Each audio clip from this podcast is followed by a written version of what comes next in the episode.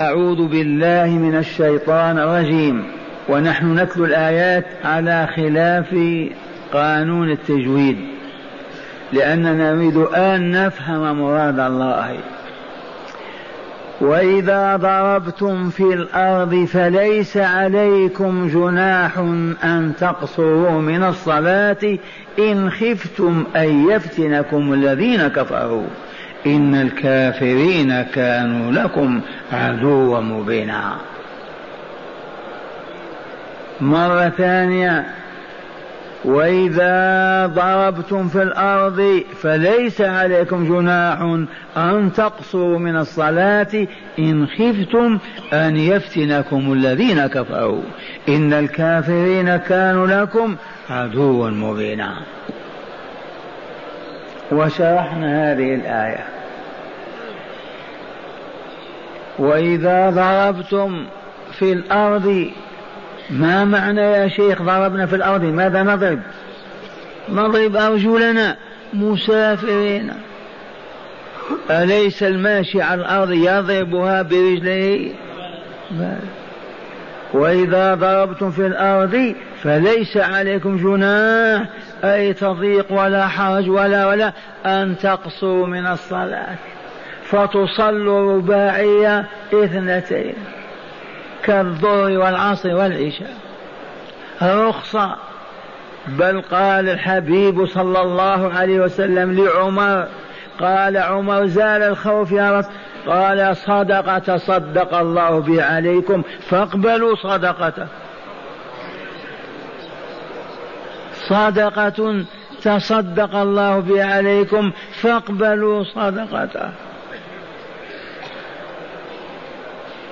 وإذا ذهبتم في الأرض فليس عليكم جناح أن تقصوا من الصلاة إن خفتم أن يفتنكم الذين كفروا إن الكافرين كانوا لكم عدوا مبينا.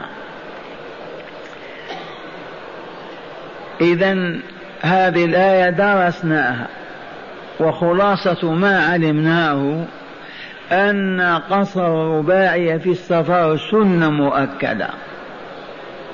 ولا نقول كما يقول بعض الغلاة إنها فريضة ولو أتم صلاته باطلت. هذا اتركه جانبا.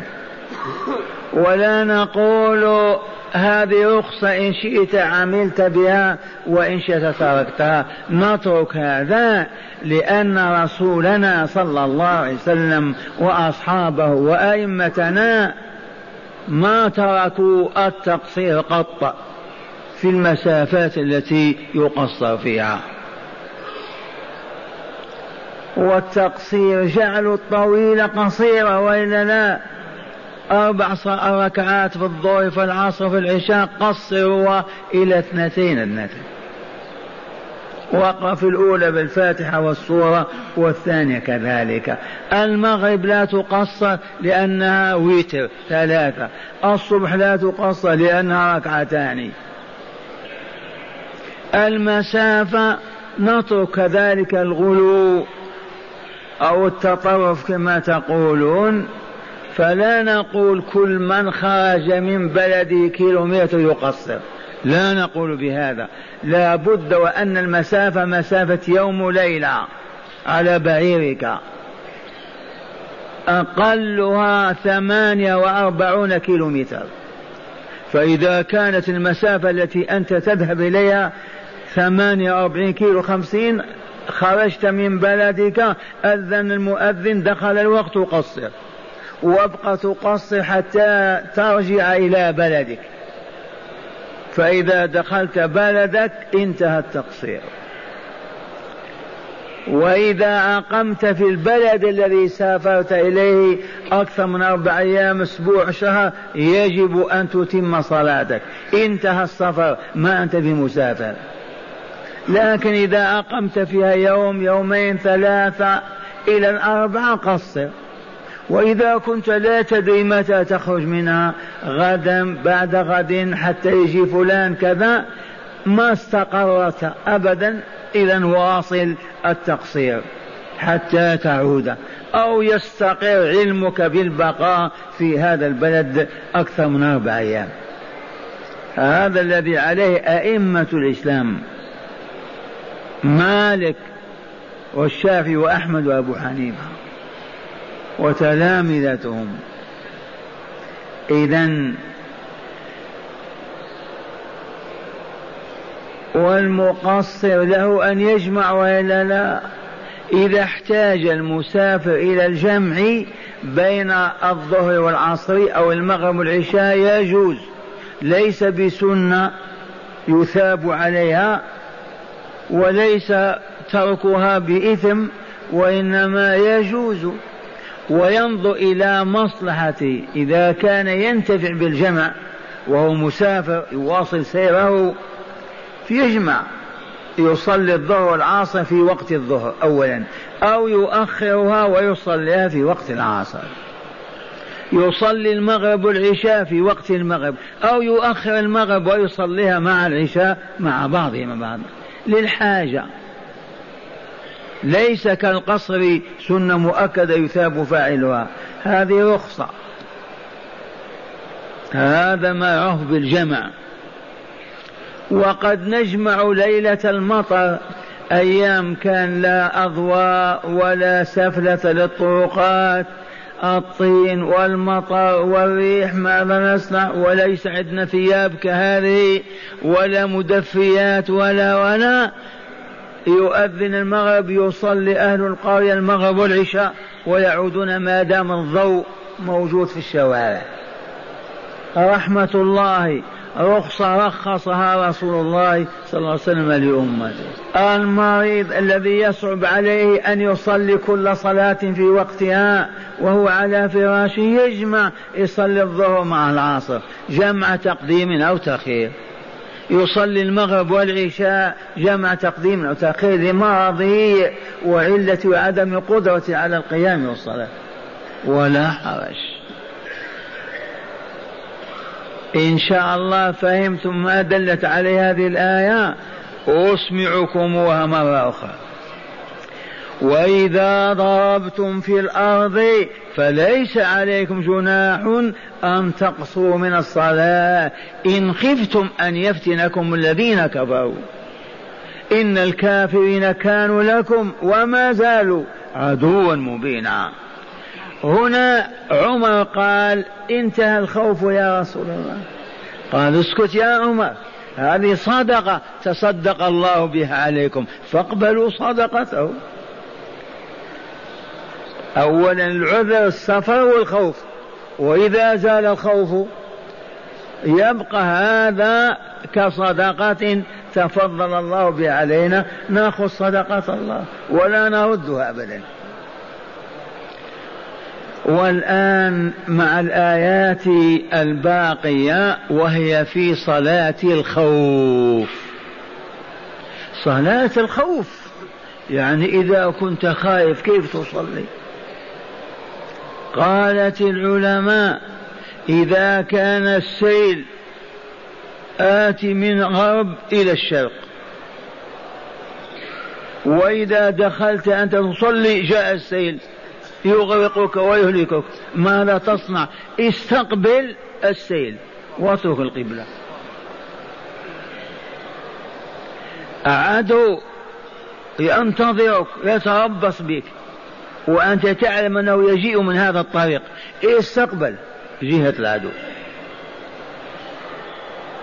كل هذا حفظا لأولياء الله من أن يالهم أن ينالهم مكروه أو سوء وهم أولياء الله عز وجل. إذا فهيا بنا إلى صلاة الخوف في حال الحرب. قال وإن وإذا كنت فيهم يخاطب الله هنا من رسول الله صلى الله عليه وسلم. في من يخاطب الله بهذا غير رسوله. وإذا كنت فيهم أي في من؟ في المؤمنين في أصحابك المجاهدين. وإذا كنت فيهم شذ أبو يوسف من أئمة المذهب الحنفي وقال صلاة الخوف انتهت لا تكون إلا مع رسول الله صلى الله عليه وسلم. قال لأن الله قال وإذا كنت فيهم ما دام الرسول ما هو معنا ما في صلاة خوف. فرد عليه أهل العلم أجمعون. فقط أن يكون معنا إمامنا وحامل راية لا إله إلا الله محمد رسول الله فإذا صلى بنا صلينا وراءه في حال الخوف وفي حال السلم. وإذا كنت فيهم فأقمت لهم الصلاة. أذن المؤذن الإقامة ماذا تصنع؟ قال فلتقم طائفة منهم معك. اقسم الجيش إلى قسمين. والسرايا كما درسنا قد يكون أربعون قد يكون مئة شخص قد يكون مئتين أربعمائة. اقسمهم نصفين. إذا وإذا كنت فيهم فأقمت لهم الصلاة. فلتقم طائفة منهم معك وليأخذوا أسلحتهم. كما قدمنا لا يضعون أسلحتهم ويصلون على أعناقهم وأكتافهم. فإذا سجدوا أي الذين معك فإذا سجدوا فليكونوا من ورائكم. أولئك الذين هم كالحرس يحمونكم. ولتأتي طائفة أخرى لم يصلوا فليصلوا معك وليأخذوا حذرهم وأسلحتهم. كيفية صلاة الخوف هي أكثر من إحدى عشر صورة لأن بحسب شدة الخوف ووضعه. لكن هذه الصورة التي في هذه الآية تقتضي أن يكون العدو غير حاضر. وإنما نتوقع هجومه علينا. في هذه الحال يقول إمامنا بعد أن يقيم الصلاة فينا فلتأتي طائفة فلتصلي ورائي. يصفون ويصلون وراء الرسول بصلاته والطائفة الأخرى تقف في وجه العدو والكل سلاحه في كتف في يده على كتفه. فيصلي بالطائفة الأولى ركعة ويبقى واقفا وهم يصلون الركعة الثانية ثم يسلمون ويذهبون إلى المعسكر. فيقفون موقف أولئك ثم يأتي أولئك فيصلي بهم رسول الله صلى الله عليه وسلم ركعة ويبقى جالسا ويقومونهم فيصلون الركعة الثانية. ويسلم الرسول صلى الله عليه وسلم ويسلمون معه.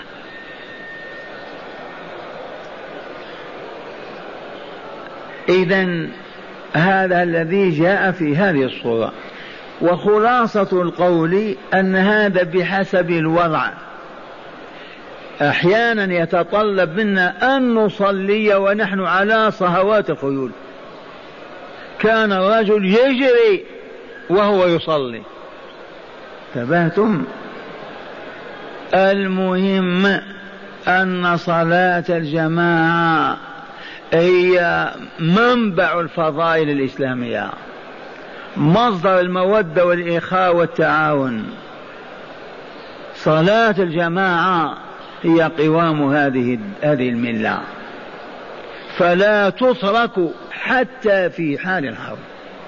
حتى في شدة الخوف. والله لا يصلين أحدهم وهو يطارد العدو. خاف يفوته. أما الهارب لا تسأل. يصلي بالإيمان يصلون على ظهور الخيول بالإيمان والإشارة. ما هو شرط بالركوع والسجود؟ أي بحسب الوضع. إن تطلب الوضع أن نصلي ونحن نهاجم العدو نصلي بالإيمان والإشارة. ما تطلب لأننا ما زلنا ما أطلقنا الرصاص والعدو ينتظر متى؟ نغفل حتى ينصب علينا نقسم أنفسنا إلى قسمين. قفوا أنتم في وجه هذا العدو. ونحن نصلي ركعة ونسل ونزيد ركعة والإمام واقف. ينتظر. ثم نذهب نحن نقف في وجه العدو وياتي إخواننا يصلون وراء إمامنا. ركعتين الركعة الأولى يصلي بهم رسول الله الإمام. ويبقى هو واقفا. فيصل يبقى جالسا فيصلون الركعة الثانية ويسلم بهم. ولا تقول كيف يسلم الأولون؟ يسلم. هذا تشريع الله وأيضا ولا حرج. واسمعوا الآيات. يقول تعالى وإذا كنت فيهم. أبطلنا قول من قال يزم يكون رسول الله معهم وإلا فلا صلاة خوف أبطلنا أهليمة خمسة تسعة وتسعين في المئة. قالوا صلاة وراء إمامنا في المعسكر صلاة خوف ما نحتاج إلى رسول في كل مكان. يوجد دائما الرسول. المهم هذا القول لا التفات إليه. فقط قوله وإذا كنت فيهم لأنه يخاطب هو القرآن ينزل وإلا لا؟ وهو يشرع ويبين. لكن لو كنا وإمامنا عمر أو عثمان بن عفان نقول لا ما نصلي صلاة الخوف لأن الرسول ما هو موجود. هذا نعرف أن الإنسان مهما كان قد تزل قدمه. قد يخطئ. بشر لكن ما ناخذ ما ناخذ باخطاء شخص ونترك صواب مئة. فهمتم هذه ولا لا؟ دائما كن مع جماعة المسلمين. أما أن يشذ الشاذ تجري وراءه وتهلك ما الداعي إلى ذلك؟ هو أفضل وإلا أمة كامل أفضل ولهذا يقول عليه عليكم بالجماعة. وإذا كنت فيهم فأقمت لهم الصلاة فلتقم طائفة منهم معك وليأخذوا أسلحتهم. فإذا سجدوا فليكونوا من ورائكم أي الآخرون يحمونكم. ولتأتي طائفة أخرى هي نفسها لم يصلوا فليصلوا معك وليأخذوا حذرهم وأسلحتهم. قال تعالى ود من؟ الذين كفروا. ما معنى ود؟ يود أحب. أكثر من كلمة الحب الود. ود الذين كفروا لو تغفلون عن أسلحتكم. يخبر الله تعالى ما في قلوبهم وإلا إذ هو خالق القلوب وعالم حركاتها. ود الذين كفروا لو تغفلون عن أسلحتكم وأمتعتكم فيميلون عليكم ويل واحدة. فإذا مالوا عليهم وهم يصلون أكلوهم. ولا جناح عليكم إن كان بكم أذى من مطر أو كنتم مرضى أن تضعوا أسلحتكم وتصلوا. لأن إذا كان مطر وشخص مريض ما يقوى على حمل سلاح يضع سيفه بين يديه ولا حرج. هذه رخصة ثانية. يقول تعالى ولا جناح عليكم أي لا إثم ولا حرج أن إن كان بكم آذى من مطر أو كنتم مرضى أن تضعوا أسلحتكم. رخصة ولا لا؟ وخذوا حذركم. يجب أن تأخذوا حذركم من عدوكم. إن الله أعد للكافرين عذابا مهينا. إن الله هيأ للكافرين عذابا مهينا يهينهم ويكسر انوفهم ويذلهم. بأيديكم أيها المؤمنون. والآن انتهت الصلاة ولا لا؟ قال تعالى فإذا قضيتم الصلاة فرغتم منها فاذكروا الله قياما وقعودا وعلى جنوبكم. أي إذا خلقنا للذكر فقط. إي والله. وما خلقت الجن والإنس إلا ليعبدون كنا في الصلاة وفي الجهاد ولا فإذا اطمأننا فإذا قضيتم الصلاة فرغتم منها. فاذكروا الله قياما وقعودا وعلى جنوبكم. وهذا اللفظ يدخل فيه كل مؤمن ومؤمنة. إذا فرغ من الصلاة يذكر الله عز وجل. وإن كان يمشي وإن كان يقود سيارته بل يقود طيارته هو ويذكر الله. ذكر الله غذاء روحي. يزيد في طاقة إيمانك يزيد في طاقة صبرك يزيد في طاقة كمالك. سبحان الله والحمد لله والله أكبر. ويدخل فيه الدعاء وأنواع الذكر. فاذكروا الله قياما وقعودا وعلى جنوبكم. وهذا اللفظ أيضا يدل على أن إذا اشتدت المعركة نصلي على أي حال.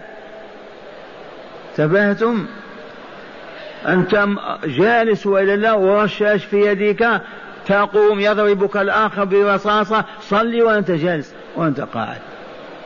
ممكن تنام على جنبك حتى تتقي رصاصها ولا وثم أنت تذكر وتصلي.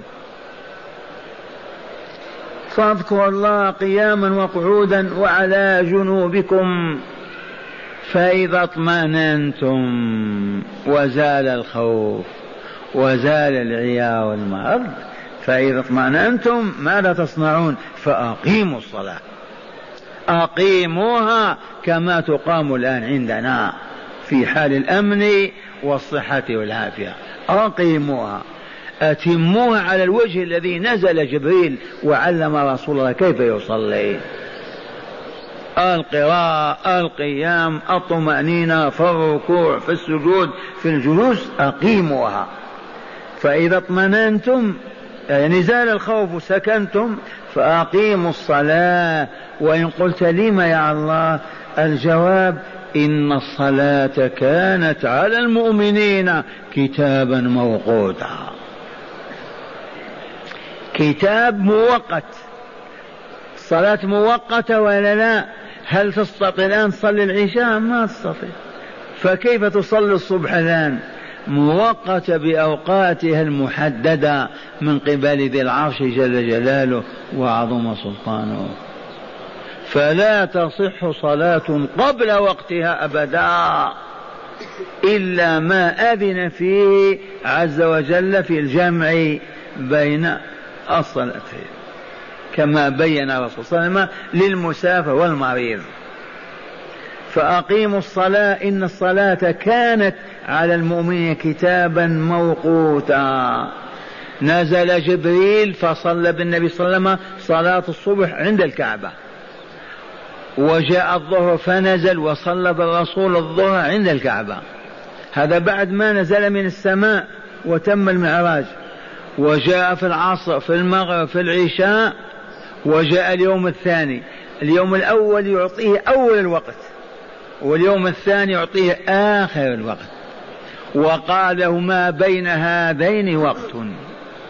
ما بين صلاتنا أمس وصلاتنا اليوم ما بينهما وقت. مثلا الأذان الظهر يؤذن على الساعة الثانية عشرة وربع. اليوم الثاني جاء الثالثة بالضبط والعصر الثالثة وربع ربع ساعة. ما بين هذين وقت. وهكذا صلى العصر عند الساعة الثالثة وربع اليوم الثاني الخامسة والربع صلى العصر. وقال ما بين هذين وقت. إن الصلاة كانت على المؤمنين كتابا موقوتا. ثم قال تعالى ولا تهنوا في ابتغاء القوم. يا أولياء الله يا جيش الرحمن لا تهنوا والوهن ما هو الضعف والانهزام ولا لا؟ والخور لا تهنوا في ابتغاء القوم أي في طلب العدو وأنتم تجاهدون. إن تكونوا تعلمون لجراحات أو تعب أو مرض فإنهم يعلمونه وإلا لا؟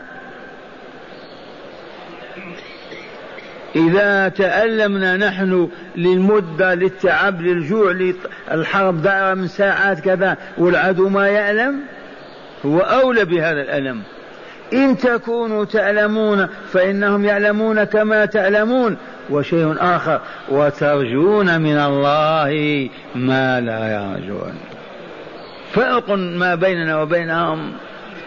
ترجون المغفرة والنزة والنصر وهم آيسون من هذا لا يرجونه لأنهم كفار لا يؤمنون بالله ولا بلقائه. وترجون من الله ما لا يرجون وكان الله عليما حكيما. إذا اقبلوا إرشاداته وتوجيهاته اقبلوا أوامره لأنه عليم بما يقنن ويشرع. حكيم لا يضع الشيء إلا في موضعه. فلو جاء من يأتي يقول ننهي صلاة الخوف هذه ولا قيمة لها؟ والله ما نقبل كلامه. لأن المشرع ما كان جاهلا فأخطأ. ولا كان أحمق ما يدري الأول من الآخر ووضع أشياء وهي خطأ. إنه عليم حكيم. عليم بخفايا الأمور وظواهرها.